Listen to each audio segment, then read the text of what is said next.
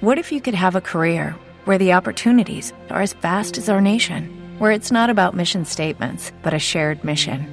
At U.S. Customs and Border Protection, we go beyond to protect more than borders from ship to shore, air to ground, cities to local communities. CBP agents and officers are keeping people safe. Join U.S. Customs and Border Protection and go beyond for something far greater than yourself. Learn more at cbp.gov/careers. Yes, I believe no permanent damage was done. What happened? The occipital area of my head seems to have impacted with the arm of the chair. No, Mr. Spock. I meant, what happened to us? That we have yet to ascertain. That is illogical, Ensign. Odors cannot travel through the vacuum of space. That position, Mr. Scott, would not only be unavailing, but also undignified. Spock! Ship out of danger? Yes. Don't grieve, Admiral. It's logical. The needs of the many outweigh the needs of the few. Or the one. I have been, and always shall be, your friend. Live long and prosper. Of all the souls I have encountered in my travels, his was the most human. There are always possibilities, Spock said. And if Genesis is indeed life from death, I must return to this place again. He's really not dead. As long as we remember him. To put back to space dock immediately. To be decommissioned. If I were human, I believe my response would be go to hell. If I were human.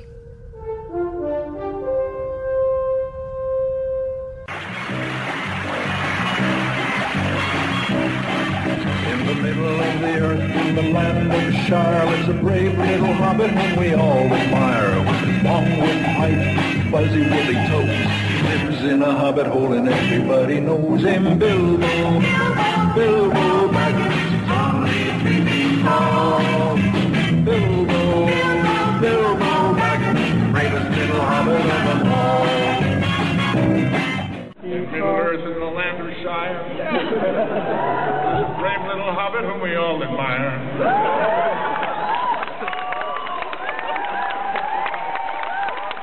Wooden pipe, fuzzy woolen toes. Lives in a hobbit hole and everybody knows him. Bilbo, Bilbo, Bilbo Baggins. Greatest little hobbit of them all. That's it.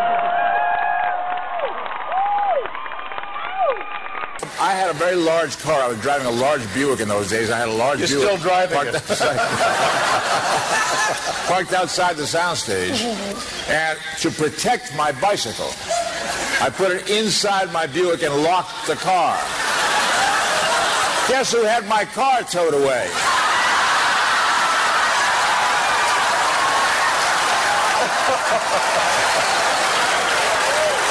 This is not a nice oh, guy. This is not a nice guy. It was one of those flyer bicycles, and I still have it. They're worth a lot of money. I've been waiting quite a long time for this. Where am I? Who are you? The answer to your first question is it's very complicated.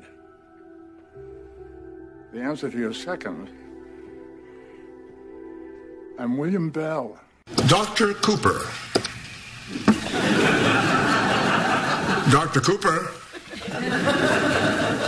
Is someone there? Down here on your desk.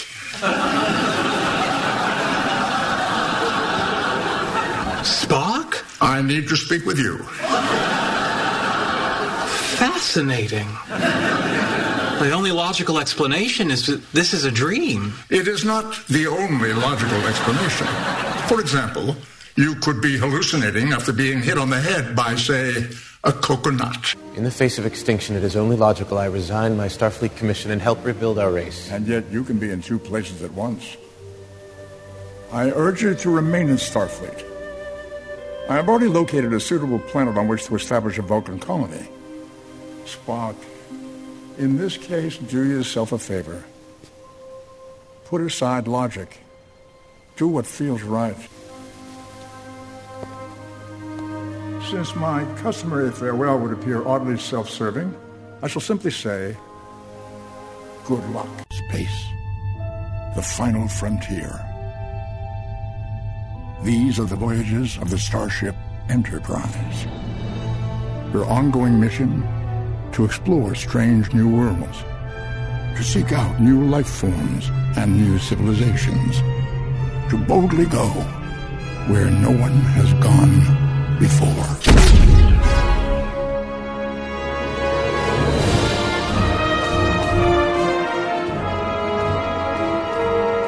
I així comencem el programa d'avui amb aquest homenatge que volem fer a l'actor Leonard Nimoy que ens va deixar el passat eh, divendres. Hem escoltat alguns dels talls eh, més significatius, una mica de diferents coses que havia fet al llarg de la seva carrera. Per això nosaltres avui li podem dedicar a aquest programa, hem convidat a gent, ara ho anireu veient i escoltant. Pràcticament avui dedicarem tota l'hora a parlar de, de Leonard Nimoy, el que havia fet la seva feina i totes les reaccions que hi han hagut aquests dies. Avui en el programa ens acompanyarà la gent de sempre, en Jacint Casademont. Què tal, Jacint, com estàs? Molt bé, aquí preparat. Molt bé, parlant de Leonard Nimoy, avui des d'una vessant diferent. Sí, lo, tot el que no estigui relacionat amb Star Trek és el que intentarem parlar. Molt bé. També tenim a la Marta Sanz. Uh, què tal, Marta? Com estàs? Molt bé. Tu de què ens parlaràs de Leonard Nimoy? Doncs uh, jo parlaré una mica de les piolades que s'han fet, totes les mostres d'afecte i de condol i també alguns uh, trets de la seva biografia. Uh -huh. No, intentaré no solapar-me amb en Jacint, però Real- potser en algun punt Sí, mm, a veure. A Clar, veure. només és una vida. coincidirem, eh? Són 83 anys eh, per explicar Uh, però el que ha passat aquests últims dies jo rarament ho havia, ho havia vist uh, mai, d'això una mica en parlarem també. Avui també ens acompanyarà Pepe Mediavilla, doblador uh, de Leonard Nimoy a la sèrie original i Jordi Sánchez Navarro que amb ell intentarem analitzar una mica també el fenomen de Star Trek. Presentant i dirigint el Ningú no és perfecte en teniu a mi mateix, a l'Ignasi Arbat, però per no acabar de deixar el que és el programa normal tenim unes estrenes ràpides i de seguida ens posem amb Leonard Nimoy. Estrenes, tertúlia i notícies a la gran pantalla. Tienes seguidores. Detroit, Nueva York, Los Ángeles. Això és Selma, pel·lícula d'Ava DuVernay amb David Oyelowo, Tom Wilkinson i Carmen Eijogo.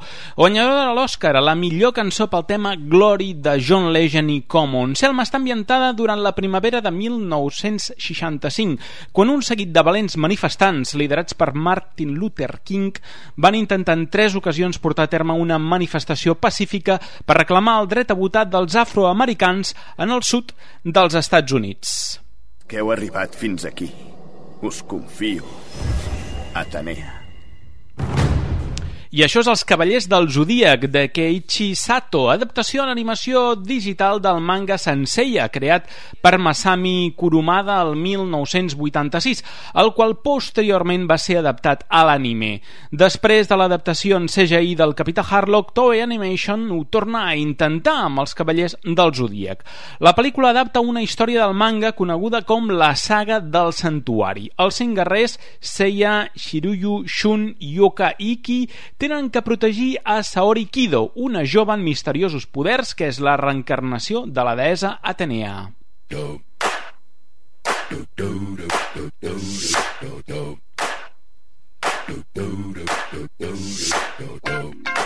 També ens arriba aquesta setmana Calvary de John Michael McDonagh amb Brendan Gleeson, Chris O'Dogg i Kelly Riley. Durant una confessió, el pare James escolta un home que li explica que durant la seva infantesa va ser víctima dels abusos sexuals d'un capellà. Per venjar-se de l'església li diu que matarà un religiós innocent en el termini d'una setmana. El pare James disposarà d'aquest temps per a posar en ordre els seus assumptes o bé esbrinar qui el vol assassinar. Malgrat pugui semblar un drama social, el seu realitzador John Michael McDonagh l'ha volgut rodar com si fos un western. McDonagh tampoc ha volgut renunciar a l'humor negre de la seva anterior pel·lícula, El irlandès.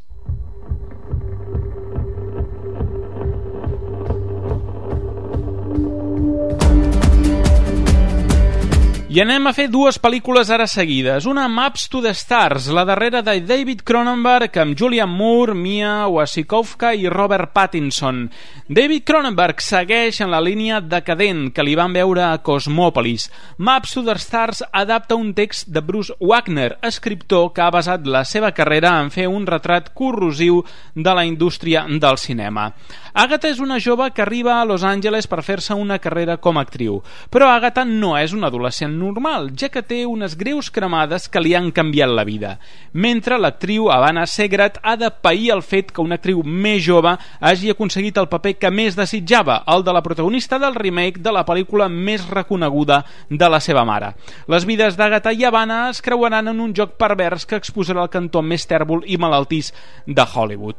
També ens arriba en tercera persona de Paul Haggis amb Liam Neeson, Maria Bello, James Franco, Mila Kunis, Pliva Wild i Kim Basinger. Malgrat aquest repartiment, en tercera persona és una pel·lícula que ha tingut molt males crítiques. El seu responsable, Paul Haggis, el recordem per Crash. Ambientada entre Roma, París i Nova York, les vides de tres parelles estan a punt de creuar-se en una història d'amor, estima i sentiments. Un escriptor que s'ha separat de la seva esposa, una mare que nega ser la responsable d'un accident que ha estat a punt de costar la vida al seu fill i un empresari nord-americà que s'enamora d'una gitana que participa en l'alliberació d'una nena segrestada. Saturday morning, jumped out of bed and put on my best suit. I tanquem les estrenes amb Refugiado de Diego Lerman amb Julieta Díaz i Sebastián Molinaro. Laura, una dona embarassada i mare d'un nen de 7 anys que és maltractada per la seva parella. Mare i fill es veuran obligades a fugir de casa a la recerca d'un lloc millor on viure i ser feliços. I tanquem amb La luz con el tiempo dentro d'Antonio Gonzalo amb Carlos Álvarez Novoa i Ana Fernández. Biopic sobre l'escriptor Juan Ramón Jiménez. La pel·lícula comença al segle XIX i finalitza a finals dels anys 50 explicant-nos la seva complexa personalitat, vida sentimental i amistat amb Antonio Machado, Sorolla, Lorca i Pau Casals. I fins aquí les estrenes. I ara anem per la primera de les entrevistes.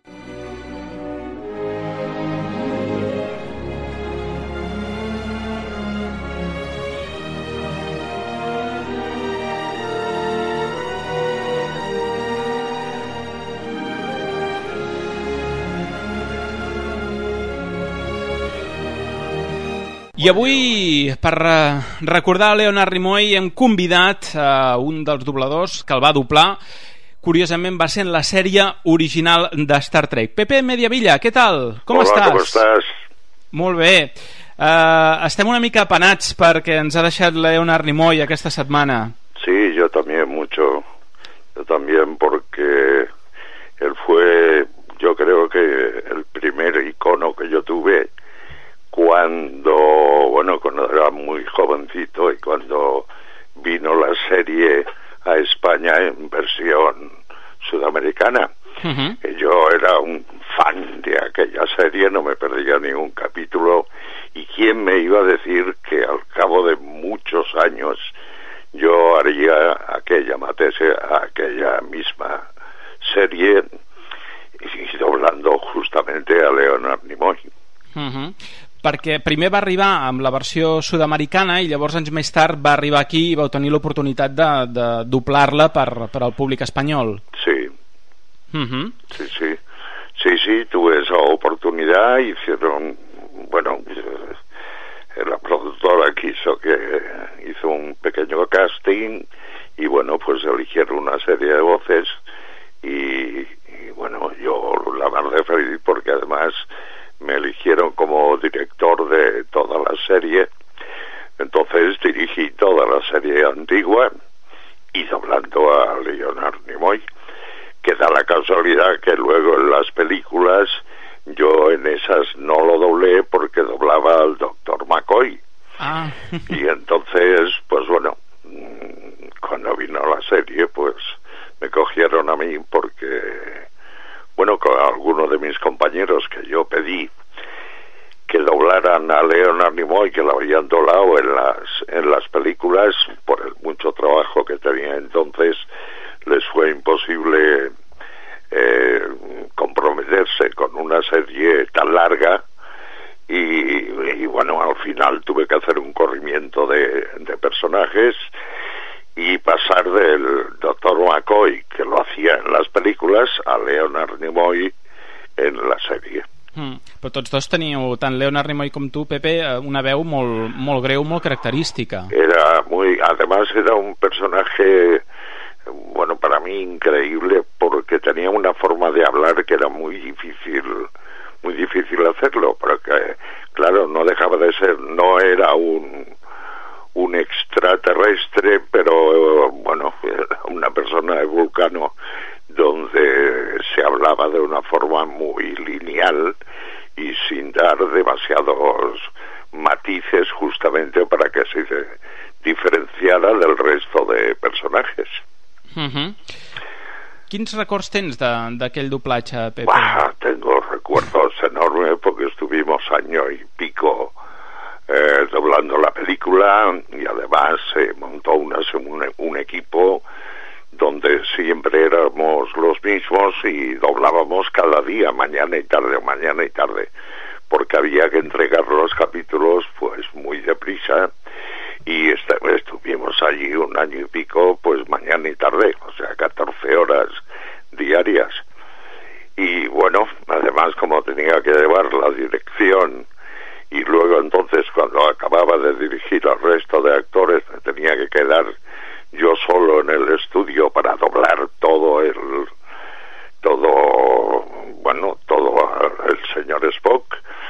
Pues bueno tengo recuerdos todos pero todos agradables porque era un era un personaje y bueno los que los que hayan visto la serie o recuerden esta serie es que era un personaje encantador, era un personaje que te atraía, era simpático, o sea, dentro de sus rarezas como, como hombre de vulcano, pero una persona agradable que, bueno, cogía, se cogía al público y bueno, fue un éxito. I, I és curiós perquè això, ara això que explicaves de, de, de, de Spock, que era un personatge que s'agafava al públic, el mateix podríem dir de, de Leonard Nimoy, no? Perquè aquest, Igual, a, a, igual. aquests dies hem vist unes mostres d'estima que, Igual, que a mi m'han deixat com glaçat, no?, de, de sentir Sí, sí. De, declaracions de, de gent i fins i tot eh, persones que no, que no el coneixien o a, Sí, a, a sí, mi mateix, que tampoc el coneixia personalment Sí. eh, no sé, la sensació d'aquesta de que se n'ha anat un, una molt bona persona Sí, sí, sí, un icono. Yo para mí fue un icono. Yo, si vieses eh, mi lugar de trabajo, donde tengo mis libros, mis poesías y todo, bueno, figuras de Leonard Nimoy hay un montón. Porque las tengo aquí como, como recuerdo de un personaje que, que no podré olvidar, que no podré olvidar.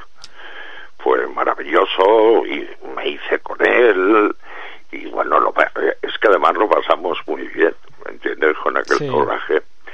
Era muy bueno, para aquella época era, era muy buena la serie, muy novedosa y tal. Luego vinieron otras de, de Star Trek, pero bueno que ninguna ha tenido tanto éxito como la como esta, como la primera. No, a més, de, Spock és, eh, és, és l'ànima no, de Star No, Trek. no, No, es que era él, el- la estrella en realidad él, era él, Sí. no era el Shatner, no era el, el Capitán Kirk, era él, era, era el señor Spock, que en muchos sitios le llaman Mr. Spock, pero nunca se llamó Mr.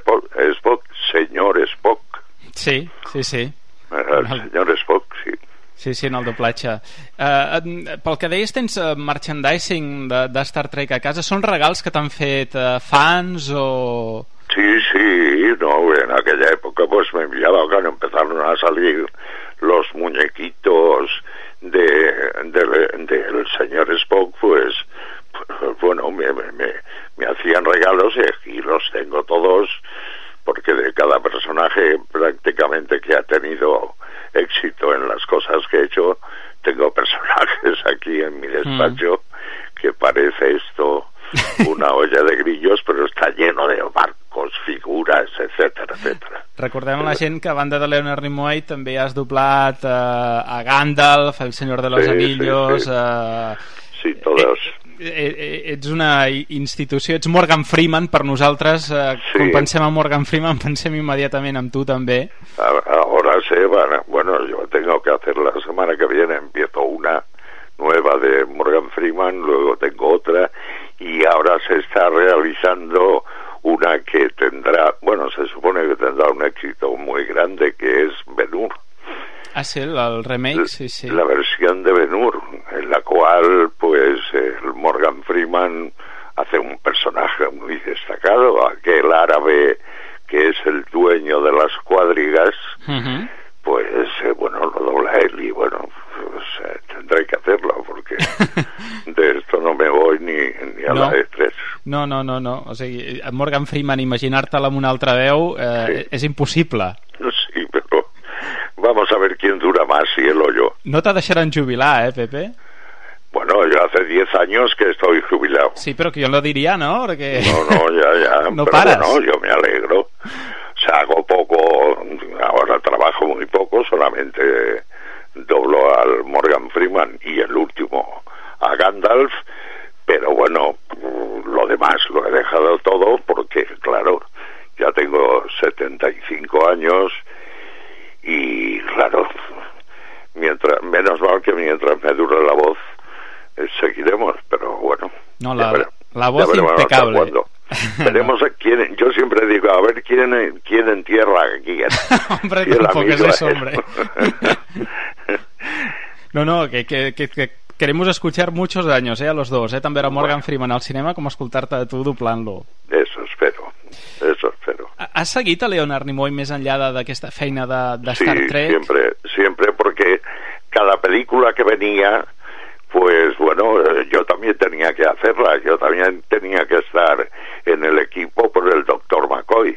Y entonces en todas las que hizo, y te voy a ser sincero, eh, eh, yo lo que recuerdo es el de Leonard Nimoy, es el gran Star, eh, Star Trek, porque incluso ahora cuando voy al salón del cómic o a cualquier salón de estos, pues hay estanes continuos aún de él. ¿Me entiendes? O sea, y claro, cuando vas, quieras o no, lo recuerdas porque ves su fotografía no de la última de ahora, sino las de entonces.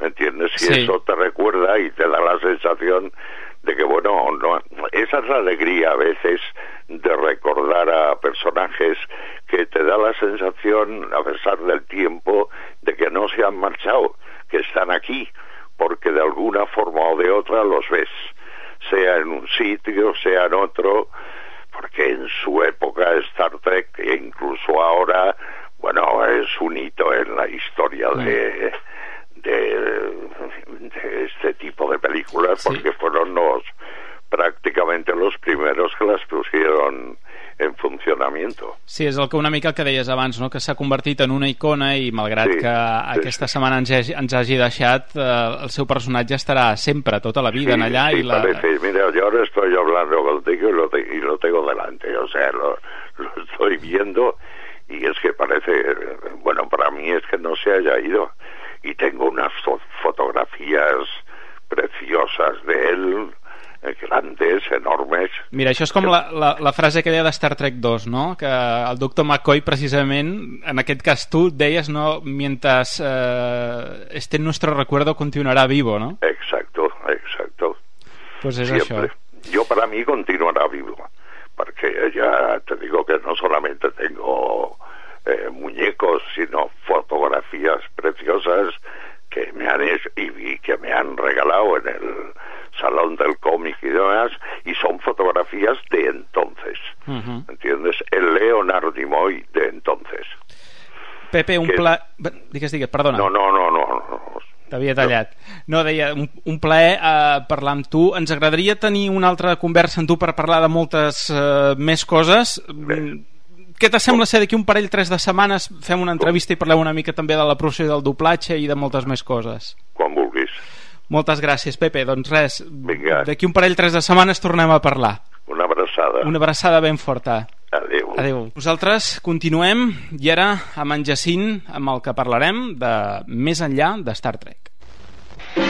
Zombies of the Stratosphere. Doncs aquesta era precisament una de les coses, primeres coses, no?, de Leonard Nimoy. Em faràs parlar després d'aquest senyor?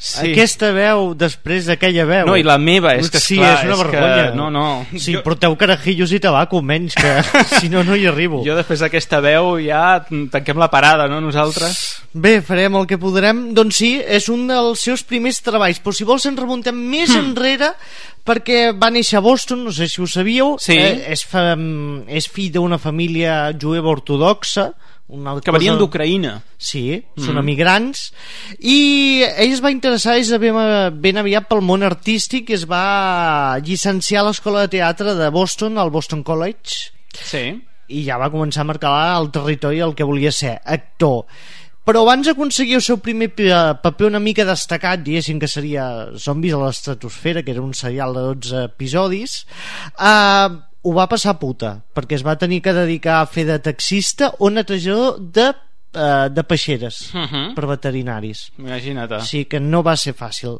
Però durant els anys 60 va ser quan va començar a tenir èxit, perquè recordem que als anys 60 a la televisió nord-americana tot estava ple de sèries, és com ara, Sí, sí, sí. hi havia sí. més sèries que canals quasi, i va aparèixer puntualment en capítols a La dimensió desconeguda, Els intocables, Els altres límits o El hombre la cipol, que ara en faran el remake en pel·lícula, on curiosament va compartir eh, capítol amb en Shatner. Ah, mira, abans de Star Trek. Abans de Star Trek. Uh -huh, sí, ja es coneixien. Després ja va venir Star Trek i l'èxit que això va comportar que el va deixar una mica amargat aquest senyor perquè es notava que estava molt encasillat i això va fer que tingués bastants traumes interiors intentant descobrir-se a si mateix. Això va comportar, primer de tot, que escrivís una autobiografia que es diu Jo no sóc Spock, que no és que parlés malament del personatge, però s'entrevistava ell, Leonard Nimoy, amb el personatge, per discutir de, de què es Mm. diferenciaven que, que no són la mateixa persona al cap dos anys per això va fer la continuació que adivina com es diu Jo sóc Spock. exactament Aquest me l'estic llegint ara, precisament. Mira, l'altre dia el tenia allà a la llibreria, allò que dius que no l'acabes de llegir, feia anys que me l'havia comprat i doncs ara crec que és una bona oportunitat per un bon moment per llegir-lo. que ja sí explica com es reconcilia amb el personatge i admet que gràcies a aquest personatge ha pogut fer moltes coses perquè aquest senyor no només es va tancar a interpretar també va escriure poesia va Mhm. fer molts reportatges fotogràfics i també va saltar la direcció de pel·lícules a banda de Star Trek les primeres oportunitats van ser amb les pel·lícules de Star Trek però després va dirigir una pel·lícula que molta gent no coneix que l'hagi dirigit ell que és el remake americà de Tres solters i un biberó Sí. Que va eh, protagonitzar en Tom Selleck Uh -huh, correcte. aquesta pel·lícula va ser un exitazo en el seu moment i Sí, encara sí. se'n parla Crec que va ser la pel·lícula més taquillera d'aquell any. imagina't Sí, sí. i ara és recordada perquè hi surt un nen fantasma Què vols dir un nen fantasma? és aquell on es Ah, veu ja. la llegenda urbana de que Sí. ja bé, s'ha de destacar què més? Uh, també va fer un paper que recordaran els més frics de, de les contrades que és el seu paper a la invasió de los ultracuerpos Mm, jo el recordo, jo el recordo. Home, gran pel·lícula, eh? Gran pel·lícula. un clàssic, una pel·lícula de culte absolutament Jo aquell plan al final de la pel·lícula amb Sí. Donald Sutherland mm, em- encara em deixa eh, Donald una Sutherland, por Jeff Goldblum, Leonard Nimoy és que el repartiment era luxe espectacular, sí, sí. I què més? Aquest senyor, a banda de tot això, va tornar a tenir un ressorgiment últimament. Ara els frics ja han sortit de l'armari, tothom Mhm. es reconeix fric, i aquest senyor, com a emblema dels frics, ha aparegut amb molta diversitat de, de sèries. Per exemple, va aparèixer Futurama, a Big Bang Theory, Sí. el Simpson també va tenir un paper mig regular a Fringe on era Sí. el professor Bell i curiositat que aquí clar no ho sabem ell va ficar la veu a la primera pel·lícula que es va fer a Transformers que era d'animació junt a Orson Welles que també ficava veu a un Transformer Imagina't, Orson Welles, que el tenim tan mitificat com va posar una veu un Transformer. tot fos pels calés per pagar-se bona manduca Però bé, eren dibuixos animats, una cosa agradable, vull dir que se- segur que, que devien gaudir-ho. Sí, sí, sí, i bé, i ara a les últimes pel·lícules de Transformers també hi ha ficat veu en un dels Transformers. El, el mateix robot no... No sé si és el mateix, això ja no t'ho sé. Sé que la tercera entrega que va ficar la veu però ja Però no et sé dir... Tenia un cert eh, endoll, no?, Leonard Nimoy. per Ah, sí, bé, això ho saps més tu. Bé, la seva dona és cosina de Michael Bay. De fet, em sembla que és Transformers 3. Eh, la primera escena de la pel·lícula es veu els robots que estan mirant un capítol de la sèrie original de Star Trek. Vull dir que... La família és la sí. família, no?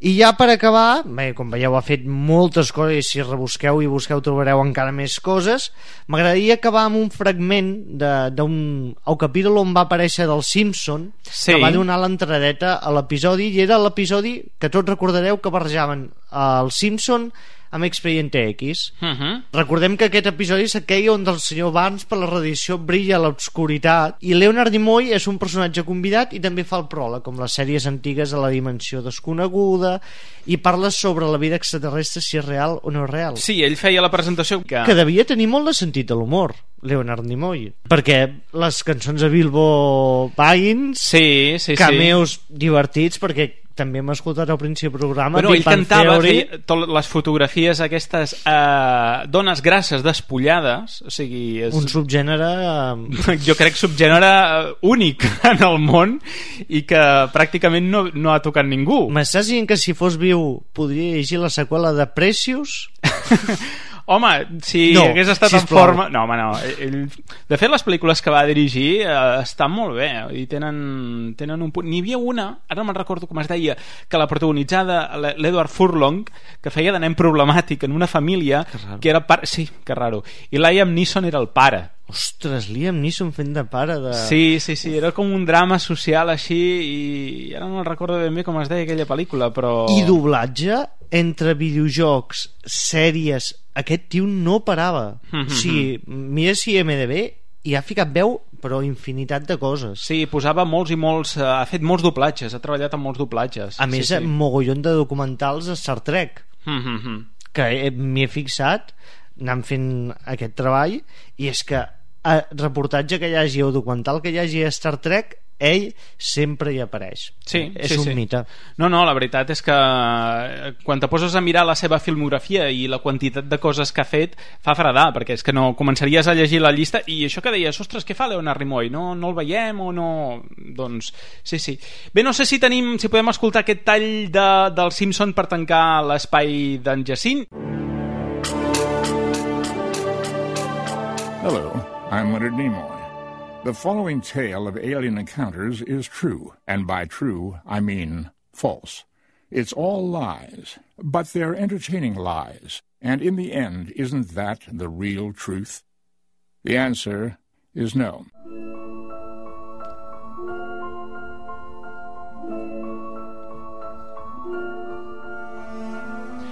Doncs res, fa un moment parlàvem amb Pepe Mediavilla, que havia doblat a Leonard eh, Nimoy a la sèrie original de Star Trek i mm, volem continuar recordant la figura de Leonard Nimoy amb Jordi Sánchez Navarro, professor i investigador del Departament de Ciències de la Informació i la Comunicació de la UOC, que també, a més a més, escriu molts articles de cinema, entre moltes altres coses. És molt probable que algun moment o altre us hagueu trobat amb un article d'ell. Uh, Jordi Sánchez Navarro, què tal? Com estàs? Molt bé, molt bé. Encantat de parlar amb vosaltres. Igualment, de tenir-te aquí molt contents. Uh, primer de tot, uh, com expert en ciència-ficció, uh, aquests uh, i coneixedor de Leonard Nimoy, com, com, com t'ha agafat la notícia de, de la seva mort la setmana passada? Home, la, la notícia de la seva mort, eh, com, com vols que t'agafi? És dir, és una cosa inevitable, perquè de fet ell estava, estava bastant delicat de salut, estava malalt, malalt de, de l'enfermetat crònica pulmonar, Uh, per tant, era una qüestió de, de, de, de temps, és a dir, és un home que ha viscut una vida molt llarga, molt, molt intensa i, i molt productiva des d'un punt de vista creatiu. Uh, el que passa és que, clar, com, a, com ara amb això de, de, de Twitter i, i d'aquestes coses, uh, sobretot de Twitter, no?, que sembla que estiguis allà en contacte als seguidors que, els que seguíem a Leonard Nimoy, doncs eh, de tant en tant uh, rebíem un, un tuit d'ell, no?, I, i semblava que estava com molt, molt actiu, no? Però clar, l'home estava, estava cascat, és a dir, és, eh, ell estava fent campanya constantment en contra del tabac, no? però Mm. sí, sí, la seva, la seva malaltia pulmonar estava ja bastant avançada. I ja quan va, quan va ingressar a la- a l'hospital uns dies abans, un, una setmana abans, potser un, una setmana i mitja abans, mm, molta gent ja deia mm, està malalt. Mm, O sigui, per tant, ah, és una cosa inevitable, era un home gran, però clar, és una vida tan plena, per dir-ho d'alguna manera, tan creativament activa i tan interessant que, bueno, ja és, és, és el, des, el, des, el desenllaç, diguem, lògic. Clar, fa pena, però és una vida plena. Mm. Um, parlem una mica de, de, del personatge de Spock. Um, podríem afirmar que Nimoy va portar tant el personatge com el mateix Gene Roddenberry a l'hora de, de crear-lo, perquè ell ha explicat moltes vegades, explicava que hi ha moltes coses que se les va inventar ell, com la salutació vulcaniana o el pinçament vulcanià per estabornir els seus uh, contrincants. Sí, aquestes dues coses són les, les més, eh, les, les que criden més l'atenció perquè són de fet icòniques, no? És a dir, és, és allò, identifiquem ràpidament a un vulcanià per la, salut, per la salutació o pel, pel pinçament i se les va inventar ell, efectivament. Però no, no només això, sinó que també es va inventar la pròpia personalitat de, de, de l'Spock. És a dir, eh, la construcció del personatge d'Spock és una creació conjunta, o és a dir, en part col·lectiva, perquè no només va, és, és, el va escriure el Jim Roddenberry, també el van dirigir directors que, que van dirigir els capítols de, de la sèrie, però fonamentalment eh, el control del personatge i la, la evolució fins i tot del personatge, perquè hi ha evolució en el personatge, és una creació total de Leonard Nimoy, és a dir, està totalment acreditat, per dir d'alguna manera, que ell va crear el personatge, el va desenvolupar i el va a portar fins on va arribar, és a dir, a, a ser un dels personatges més icònics de la història de la ciència-ficció. Sí, una altra cosa és aquesta, que ha esdevingut eh, una icona eh, absolut i gairebé, o sigui, ho busques i això no ho aconsegueixes. En canvi, ell, clar, la seva imatge mm, serà perpètua de, de, de per vida. Sí, jo mm, em feia una, un, un amic periodista, em feia l'altre dia un, un, una petita uh, entrevista, bueno, no, no, no una entrevista, sinó em re, recollia la meva, la meva opinió en un article que va fer, i jo en aquell article deia que és una icona al nivell de la Maria de Metròpolis o, o, Mm. o de King Kong fins i tot. És, Sí, dir, sí. és una icona que immediatament identifiquem amb el gènere. I això és molt difícil d'aconseguir. Eh, I ell ho va fer. És a, dir, a més, Star Trek es basava sobretot en aquesta, en aquesta mm, dinàmica molt interessant de, dels dos, diguem, herois, no? dels dos protagonistes. Star Trek, evidentment, és Kirk també, o sigui, no podem oblidar el capità Kirk, però bàsicament Star Trek és la relació entre ells, no? és a dir, tot allò que emergeix de la relació entre ells. No? Mm. Per quin motiu creus que, mm, que Spock ha estat un personatge que ha establert una relació tan personal eh, amb el públic com cap altre personatge de, de la sèrie? Ho ha arribat eh, a aconseguir amb els seguidors i mm, de, tant de les sèries com de, de les pel·lícules de, de Star Trek. Sí, pensem que mm, el seguidor de Star Trek, eh, en el moment en què es va fer la sèrie, diguem, en que, que, que es va consolidar, tot i que de fet no va ser un gran èxit, sí que va tenir un públic molt fidel en el seu moment, i aquest públic era jove, era jove. Uh, jove, fins i tot m'atreviria a dir adolescent, no? adolescents aficionats a la ciència-ficció i un públic que al cap i a la fi era un públic una mica nerd, no? una mica, bueno, el que, el que ara diríem un geek o, o un Mm. friki, si voleu, no? Uh, això representava, mm, això perfectament representat pel propi, pel propi personatge d'Spock, no? Molt sovint diem que el nerd té aquesta, um, aquesta accés de racionalitat, aquesta dificultat de, de comunicar-se amb els altres o de, o de, de viure en societat, per dir-ho d'alguna manera, o de, de, d'entendre, de controlar les emocions, i això era tot el que, mm, tot el que feia el personatge d'Spock, és a dir, el personatge d'Spock està basat en, precisament, aquesta dificultat de controlar les emocions, o aquesta, dificultat, aquesta lluita per controlar les emocions, ell té una part humana i aquesta part humana eh, implica emocions, i ell com a vulcanià el que vol fer és a, eliminar o gestionar aquestes emocions, eh, té problemes a l'hora de, de, de, de, de relacionar-se amb els companys de la tripulació, perquè tots són molt humans, per dir-ho d'alguna manera, tots sí. funcionen a partir d'un discurs emocional i ell té problemes. És un geni científic, és una capacitat deductiva eh, brutal, una, un personatge que mira la part lògica i que eh, recorda en certa mesura a un Sherlock Holmes, no? una persona que, o una persona, un, un vulcanià en aquest cas, eh, capaç de, de ser brillantment lògic, però a la vegada doncs, aquestes dificultats. No? Jo crec que tot això connecta molt bé amb el tipus d'aficionat a la ciència-ficció dels anys 60. És a dir, un tipus aficionat que eh, s'identificava molt clarament. A més, un, un, eh, en el fons reflecteix alguns dels, una de les qüestions de la joventut, no? és a dir, eh, gestionar les emocions, eh, saber importància en societat, és a dir, i aquesta gent, d'altra banda, aquesta gent, eh, diguem, eh, aficionada a la ciència, eh, molt mm, amant del coneixement científic i de, i de la lògica i d'aquestes coses, aquest públic més geek, és el que al cap i a la fi ha anat generant el, el, el, el culte per la sèrie. Aquest públic s'identifica molt més amb l'Spock que amb un heroi clàssic tipus Kirk, no? que és un heroi sí. al, cap, al cap i a la fi, un heroi, diguem, de, de, de militar, per dir-ho d'alguna manera, no? tot i que no és Mm. una expedició científica, però ell és un capità. Sí, no és com Picard, no? que era diguem. més eh, ambaixador, sí. Kirk era més de batalla. Sí, sí, sí, Kirk era un geni militar també, és a dir, això, això eh, de vegades, eh, eh, bueno, els que els aficionats a Star Trek ho saben, no? que era un geni, un estratega militar amb una capacitat eh, absolutament eh, resolutiva, no?, de resoldre conflictes i, i home, quan calia eh, actuar, eh, utilitzar la força.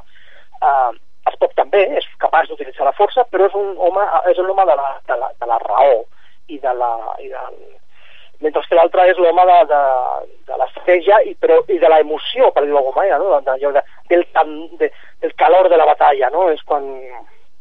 I, i això feia, el feia un heroi més interessant a, a, a Spock, no? És a dir, bueno, amb l'heroi típic, que és el que s'identifiquen els nostres pares, diguem, no? Com Mhm. pensaria un jove en aquella època, no? És a dir, és l'heroi de, de l'oest, de les pel·lis de guerra, l'heroi de les pel·lis de, de, de, de, de navegació clàssica, no? És, és el capità, l'heroi.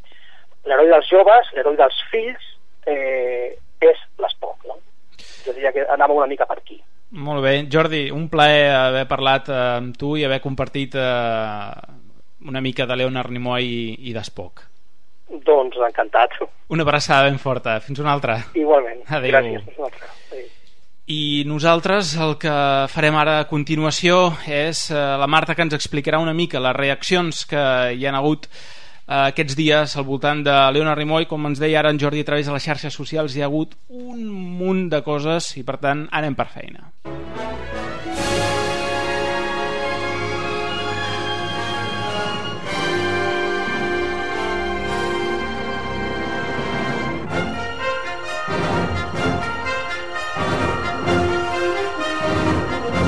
Doncs aquesta era una de les sintonies que va dirigir, de pel·lícules que va dirigir Leonard Nimoy, concretament la quarta, la coneguda com la pel·lícula de les balenes.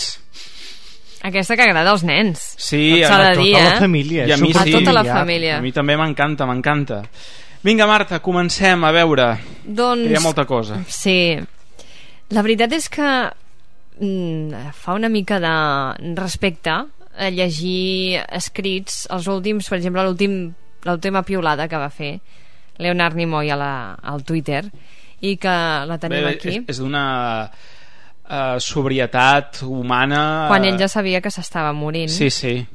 Bé, eh, és veritat, com ha dit en Jordi, que va fer molta campanya antitabac i l'11 de gener, per exemple, amb la seva etiqueta de Real Nimoy, va escriure no fumeu, jo ho vaig fer i tant de bo no ho hagués fet mai i llavors signa amb aquesta L LLAP que és Lifelong and Prosper Sí, que signava tots els seus tuits. Uh -huh. Doncs, eh, què més? Eh, el dia 22 de febrer, poc abans de morir, eh, uns dies abans de morir, eh, diu, vull eh, compartir la meva poesia. I va penjar una poesia seva, eh, que es titula El que hem après tu i jo. Uh -huh. Ja ens que ho explicava està- abans en Jacint Sí, que escriu, escrivia. Sí, molts llibres. I que està en el seu llibre que es diu These words, are- aquestes paraules són per tu. Bueno, no us llegiré la poesia, si- en fi, perquè La podeu trobar en el, en el la seu podeu Twitter. trobar en el seu Twitter, és molt bonica i bé, parla això dels records de d'on queden i de les bons moments que, que es comparteixen el dia, aquell, un dia després això va ser el 22 de febrer que va penjar la poesia un dia després va dir la vida és com un jardí els moments perfectes es poden tenir moments perfectes però no es poden preservar excepte eh, o sigui, de no ser que siguin a la memòria, no? Aquest va ser l'últim tuit va que ser l'últim tuit. I va tenir eh, un milió mm, de retuits. Jo crec que encara va, va I sumant. encara eh? deu anar Sí, sumant. Bé, jo no us explicaré perquè ja en Jacint us ha explicat dels seus orígens, quins van ser els seus orígens i com va començar a actuar i les seves feines que, que va haver de fer per uh, treure's, treure's algu- alguns calarons i és veritat que la pel·lícula Tres homes i un, o Tres soldats i un biberó va ser de l'any 87 mm, el hit del box office el que, a veure, és que tinc un piló de papers eh? Sí. aquí només, no sé, amb 8 anys jo ho dit, amb 8 anys ja feia teatre a l'escola vull dir que era un noi que ja li agradava i no és només, ja ho ha dit ell no és només les, el teatre és que tot l'art en general ha estat sempre un gran precursor allà on t'ha pogut a fer promoció de les arts o sigui que potser també per això té aquesta generositat, no? L'art el que dona, no? Que ser generós és el que també és tan atraient de la seva persona. Sabem que li han sobreviscut la seva dona, Susan Bay Nimoy, Bay, és zona, és família Sí, sí. de Michael Bay. El Adam Nimoy, que és el seu fill i que és director, i Julie Nimoy, la seva filla, amb la Sandra Zober, la seva dona, eh, anterior i que té un fill bueno, sona molt malament, eh? fillastre el, bueno, el fill de la El- fill de la seva de la, dona. de la Bay i, uh, i molts de nits eh? també. Uh, en JJ Abrams ha fet com una mena pòstit, ha fet una foto amb, l'Star- amb la nau Star Enterprise i, i li ha posat com un pòstit una nota, no? ha fet així un muntatge. I li diu, estimat Leonard uh, quin, ma quin home que vas ser? Quina vida que has viscut? Mm, tan, uh, tan generós tan feliç i sempre amb tant de talent. Ens has, ens has ensenyat a tots a cada trobada que hem tingut te trobarem a faltar i t'estimaré per sempre Mhm. o t'estimarem per sempre Sí, sí. Uh, Abrams veritat que, és que- s'hi posa la pell de gallina Sí. eh? a més sí que és cert sempre s'ha parlat d'aquesta rivalitat entre Star Trek i Star Wars que en realitat vull dir, que no és tal no? perquè sempre però aquests Bé, en dies sobretot hi ha, hagut, sí, hi ha hagut molta comunió Molta germanor, eh? sí, sí, entre els fans ja no només d'aquestes sagues sinó de, de la ciència-ficció en general Home, és que no hi ha per menys. Qui ha fet més declaracions mm, després de la mort de Leonard Nimoy ha estat el president Barack Obama, perquè això els Estats Units ho porten diferent. Allà es Sí. viu molt això i no passa res perquè un president d'una nació amb tant de poder doncs es posicioni a favor dels nerds o de la ciència-ficció en aquest cas i del que, protagoni i del que representa en Leonard Nimoy com a Spock. uh -huh.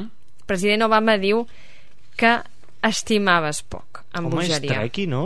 Sí, sí, sí, és trequi. sí. De fet, crec que té fotografies amb el càsting, amb tots els que ha pogut de càsting de Star Trek. De fet, aquí hi ha una foto, veieu? Mira, els sí, apunts? Amb Uhura Amb Uhura, sí, sí, la, Ni- la Nichelle Nichols, i fent la salutació vulcaniana Amb que tant va de poder li es pot demanar veniu a la Casa Blanca Home, i i ens representeu Clar, un episodi sí, concret Sí. Amb en Leonard Nimoy també el va poder conèixer i això és el que diu també en la seva declaració que a més és molt divertit perquè ara que en Jordi feia servir aquesta paraula nerd, no? El Sí. president Barack Obama també la fa servir diu, molt abans que ser nerd fos guai hi va haver Leonard Nimoy uh -huh. vull dir que els nerds avui dia mm, no són originals ja No, no, no. venen de- d'alguna cosa Leonard va tenir una vida llarga eh, va estimar molt a més mm, una vida en l'art amb humanitats un gran eh, una gran ajuda per les ciències una persona generosa amb molt de talent i que va dedicar-lo amb, bueno, molt generós en el temps també, no? va dedicar molta generositat i per suposat Leonard va ser Spock eh, brillant, lògic amb grans orelles i un gran cap al centre era l'optimista de Star Trek i una visió molt humana del futur. Estimava l'Spock diu que el 2007 va tenir l'oportunitat de conèixer-lo en persona.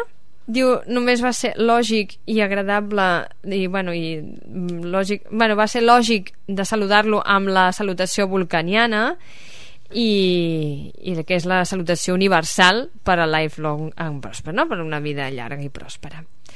Bé, suposo que deu estar també una mica mm, trist el sí, president com tots Aquí hi ha retuits, uh, sí? Puc anar Sí, amb i els... tant, i tant, sí, de, de diferents... Peter David, uh, Déu meu, esperava um, bueno, que no passés mai que Leonard Nimoy no, uh, no morís i quin gran home que va ser. Peter David és el guionista de còmics, novel·lista de moltes novel·les de Star Trek i còmics de Star Trek que ha explicat, aquests dies també ha fet una entrada en el seu blog, una anècdota que explica que durant una presentació amb fans eh, parlaven de l'escena de la cova de la, de la pel·lícula de Star Trek no?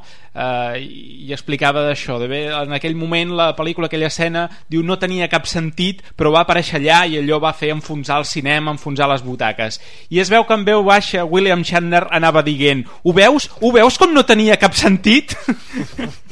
vull dir que lliga completament amb el, amb el personatge també aquest bon rotllo de rivalitat d'anar-se punxant però d'estimar-se de, de, també l'un a l'altre no? Uh, William Shatner uh, també ha deixat un, una piolada l'estimava com un germà. Trobaria a faltar el seu humor, el seu talent la seva capacitat d'estimar.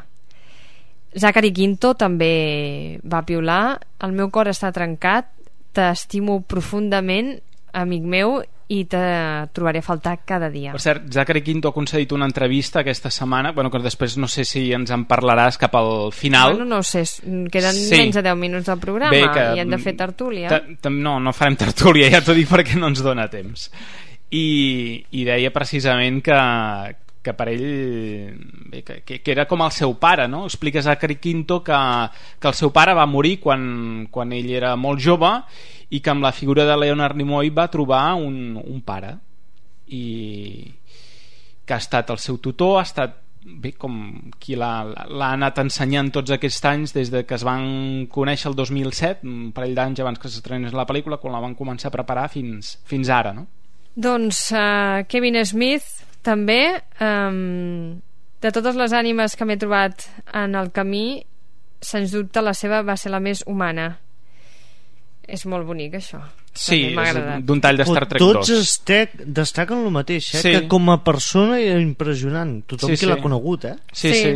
Uh, la NASA també ha fet un, una piolada Mm. en Rip Leonard Nimoy mm, tants de nosaltres de la NASA vam ser inspirats per Star Trek Boldly Go no? Més. Clar, perquè molts astronautes són astronautes en el Sí, cent per dia Star- bueno, per per Star Trek, Star no? Trek. I, I molts científics i molt... enginyers aeronàutics i tot això ve d'aquí Sí, sí. Fa- El Festival de Sitges també hi ha posat el seu granet. Pocs rostres com el seu integrant tant al nostre imaginari fantàstic. Rip comandant, comandant Spock. Jonathan Frakes, comandant Mhm. Riker. Uh, Rip, el millor primer oficial. Està molt bé aquesta... Sí, perquè ell era el primer oficial de la nova generació. Oficial, i... Llavors, eh, exacte. Mhm. Què més? Brent Spinner, que feia de data a la nova generació. Uh, tan encantat d'haver-te conegut estic pensant en Susan Adam, Susan és la seva dona Adam, eh, el seu fill i tota la teva família i en tota la família tan extesa de Star Trek Roberto Orci, guionista uh, Nimoy uh, va viure llargament i pròsperament tan agraït per la seva calidesa i la seva saviesa en fi, a William Shatner ja, ja us l'he dit i Will Wheaton Mhm. abans que hem sentit en el muntatge que has fet d'inici Sí. sortia la seva aparició vocal només, només Sí, a la veu a Theory, Big Bang sí. Theory va ser boníssim aquell capítol Sí, sí. van haver-hi, bueno ja ho has sentit molts de os i as Sí, sí. i, eh? Will Wheaton que recuperar-lo. també és un assidu fa cameos assidus a, a Big, Bang Theory, sí. i eh, sembla ja un personatge recurrent eh, diu que ells han anat al tot darrere i no haurien explorat la galàxia si abans tu no haguessis estat allà. Gràcies, Leonard, i descansa en pau. Pedro Angosto també el tenim aquí. Mm. Mhm. Recordando entre lágrimas a Genial i llavors a tot etiquetes Leonard Nimoy, Boldy Going i hi ha un enllaç bé, tot això suposo que podeu Sí, pel Twitter. per Twitter en fi, a Steve Gutenberg a qui li vam dedicar Sí. un que se n'ha fet eh, Sí, Steve clar, perquè van Gutenberg, treballar eh? amb ells van a- treballar amb ells a, aquesta- tres, sí, a tres homes, Homes i un bebè. i un, i un bebè que aquí es va dir Tres solteros i un biberón? O No, això era va la el remake, francesa, eh? era el francès, l'americana era el remake. Tres homes i un, i un bebè El Gutenberg era el més jovenet i ha dit del Leonard Nimoy que va ser llest, càlid, amb una personalitat que feia que tothom se sentís mm, còmode. Era un actor amb talent, director, poeta, fotògraf, però la seva gran qualitat era la seva amabilitat i la seva bonomia i el seu desig mm, o sigui, de fer-te tu sentir el millor que poguessis sentir-te en aquell moment, no? Uh -huh. i que a tothom li ha agradat conèixer, és el que dèiem, i que el trobaran molt a faltar. Neil Gaiman, que m'agrada molt la seva, la seva etiqueta, no? Uh, Neil himself, o sigui, Sí. si hi ha algú que es vol fer passar per ell, doncs no, Neil himself... Bueno, el de Leonard Nimoy era The Real. de Real. Name, sí, és que aquí a les xarxes ha d'haver-hi Sí. com un pirateig eh, d'identitats. Hi ha 50 identitats per cada actor. Doncs eh, aquí Neil Gaiman surt amb una foto amb el Mickey al Disney Studios i bueno, l'ha penjat la foto que té ell de, Amb, Neo, amb Leonard Nimoy. de Ah, record. vale, no, i que aquí I amb Leonard si Nimoy fa i fotos amb amb Mickey, Mickey. bueno, Sí, sí. Vale, vale. aquí uh, Seth MacFarlane Mhm. que no ha dit res escabrós eh? Leonard Nimoy ens ha portat uh, a un dels personatges de la història del- d'Amèrica de la història de diguéssim de- d'explicar històries no? més gran i noble uh, algú que trobi el planeta Gènesis Clar, per ressuscitar-lo, com passava a la Exacte. pel·lícula. Exacte. I uh, bé, ja us he dit, Barack Obama abans de la declaració va fer un, una piulada també Sí, i va, era, un- era un resum de la declaració. que era un resum de la declaració Santiago Segura també s'hi ha afegit. Adiós al gran Leonard Nimoy impaga- impagable siempre como Spock y mítico también en Misión Imposible como Paris Gracias Sí, Mhm, també és ho he comentat que va protagonitzar unes temporades. Ben Stiller n'ha fet una més llarga però ve a, també a, a enaltir les qualitats humanes eh, i sobretot parla, fa referència a aquelles novel·les que va fer que primer va dir no sóc Spock i uns, uns quants anys després, com quasi 20 va dir sí sóc Spock, no? jo sóc Spock Mhm. i de la seva batalla entre ser Spock, no ser Spock, ser el personatge però és que diu que ell tenia molt d'Spock per tant a vegades quedava tot allà mateix i, i suposo que ell va tenir primer una primera crisi de dir no, no, a mi no m'encasilleu, jo no sóc Spock i després doncs va dir, doncs mira sí, Sí que ho Sí sóc, perquè una soc. mica ell explica eh, en el llibre que a poc a poc la seva personalitat va sent més racional eh, assemblant-se al seu personatge vaja. Clar, és que pensem que aquella època si et feies famós per una cosa poques possibilitats tenies de desmarcar-te sí, sí, no és com ara, no és com ara I res, Zoe Saldana, que també surt a la pel·lícula de Sí. Star Trek, uh, li ha dit que, té, que està molt afligida i que una bonica estrella s'ha fos. Fi molt, molt... George Takei, Mhm. el Zulu de, de l'original, de la Star Trek original, uh, diu, "Tu- avui el món ha perdut un gran home i jo he perdut un gran amic. Uh, te tornem a les estrelles, Leonard. Ens vas ensenyar a viure de forma llarga i pròspera. I tu ho vas fer, amic meu uh, te, trobaré a faltar amb tants i tants de, tantes Mm. maneres no? la seva família també eh, va donar les Va donar gràcies les gràcies. De fet, a la família, per exemple, el- un net en, i el, el Dani Suars va també dir el meu avi, extra, un home extraordinari, marit, avi, germà, actor, en fi, totes les gràcies per les condolències tan càlides i us desitjo una llarga i pròspera vida. El seu fill eh, diu va afectar tantes vides i també va ser un gran tipus i el meu millor amic. I el fillastre, el fill de la, de la dona, diguéssim, diu que l'estimava amb bogeria, que no havia conegut una millor persona, un millor amic, un millor marit i un millor pare. Mhm. I uh, bueno, Zachary Quinto doncs, uh, Sí, el que havien comentat que abans, sí, resumint bueno, i, i ja ho veieu, al Passeig de la Fama piló Sí. d'ans rams de flors perquè el memorial va ser I- privat i des de la NASA també fent-se des de la NASA, fotos un astronauta fent-se fotos amb, el, amb la salutació vulcaniana Sí. Bé, doncs nosaltres acabarem també amb Leonard Nimoy i ho farem amb un dels temes d'aquells que ell cantava i també dedicava Spock amb un tema que es diu Highly Illogical i ell cantava i com ja he sentit abans la cançó dels Hobbits i també dedicava cançons al mateix Spock. Nosaltres amb això ens acomiadem d'aquest programa especial que hem fet aquesta setmana. Marta Jacint, fins la que ve. Fins la setmana que ve. fins la que ve Jo mateix també l'Ignasi Herbat m'acomiado. Ningú no és perfecte. And I find them highly illogical. Girl meets boy. They fall in love. She says he's everything she's dreamed of.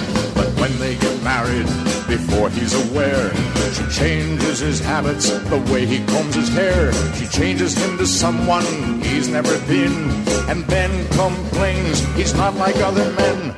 Now, really, I find this most illogical. Take the case of your automobiles. Greatest invention since man discovered wheels. Hydromatic overdrive, floor on the floor. Push button windows, push button doors. Double barrel carburetors rush you any place, but you never can find a parking space. Highly illogical. Take the case of modern man. He works all his life, gives it all he can, saves all his money, works over.